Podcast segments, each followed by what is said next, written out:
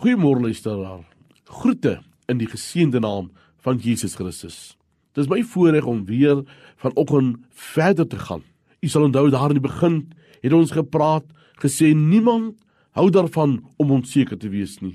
Ek het aan die voorgehou die woorde van die profeet Jeremia wanneer hy gesê het ek weet watter gedagtes ek in gaan jou koester. Weet jy as 'n mens nie waak in die lewe nie, kan jy toelaat dat ander mense se opinie jou kniehalter. Hulle opinie kan jou toekoms belemmer. Hulle uitsprake laat jou verstaan jou lewe het geen doel nie. Ag waar jy is, is jy mislukking. Het jy geweet so sê hulle vir jou of die indruk wat hulle skep is dat die mense wil jou nie seermaak nie, daarom laat hulle maar vir jou toe om aan te bly. Jy mag voel jy is mislukking. Jy mag in seker goed saamstem.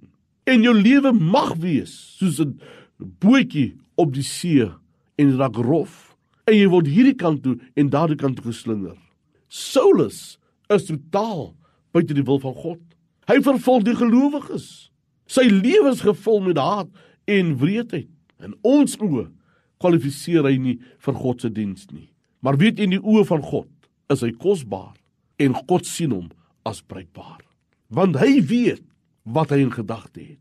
Kan ek jou vra om vir 'n oomblik doof te word vir die raad van ander mense.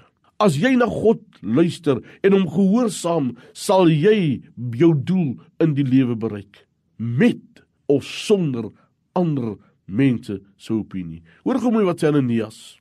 Ananias sê in Hosea 9 vers 13 van Handelinge: "Here, ek het van baie mense, hoor gou mooi, baie mense aangaande hierdie man gehoor, hoeveel kwaad hy u heiliges aangedoen het." En tereg kon God gesê het: "Jy's reg Ananias." Ek het vergeet die skade wat in die kerk berooken het. Nee, luister mooi. God se opinie is die mens se opinie nie. God sê vir hom: "Gaan, gaan, want hy is vir my 'n uitverkore werktuig." Ons sou in alledaagse taal sê, God sê vir hom Ananias: "Hoekom wil jy vir my stories vertel?" Oor iemand wat ek nodig het. Ek het niks met sy geskiedenis te maak nie. Ek het niks te maak hoe vuil hy is en hoe hy geval het en waarom hy besig is nie. Wanneer ek hom in die hande kry, maak ek van hom 'n nuwe skepsel. Hy is vir my 'n uitverkore werktuig. En dan lees ons, hy dadelik gaan gegaan en die evangelie verkondig dat hy die seun van God is. Hoor gemoed die reaksie. Almal wat hom gehoor het, was verbaas en het gesê: "Is hy nie die man wat in Jerusalem uitgeroei het, die wat die wat die naam aangeroep het nie?" Hulle vat my verlede, hulle bring dit na die Here toe en wil my uitkanselleer, maar God sê: "Jy's 'n uitverkore werktuig."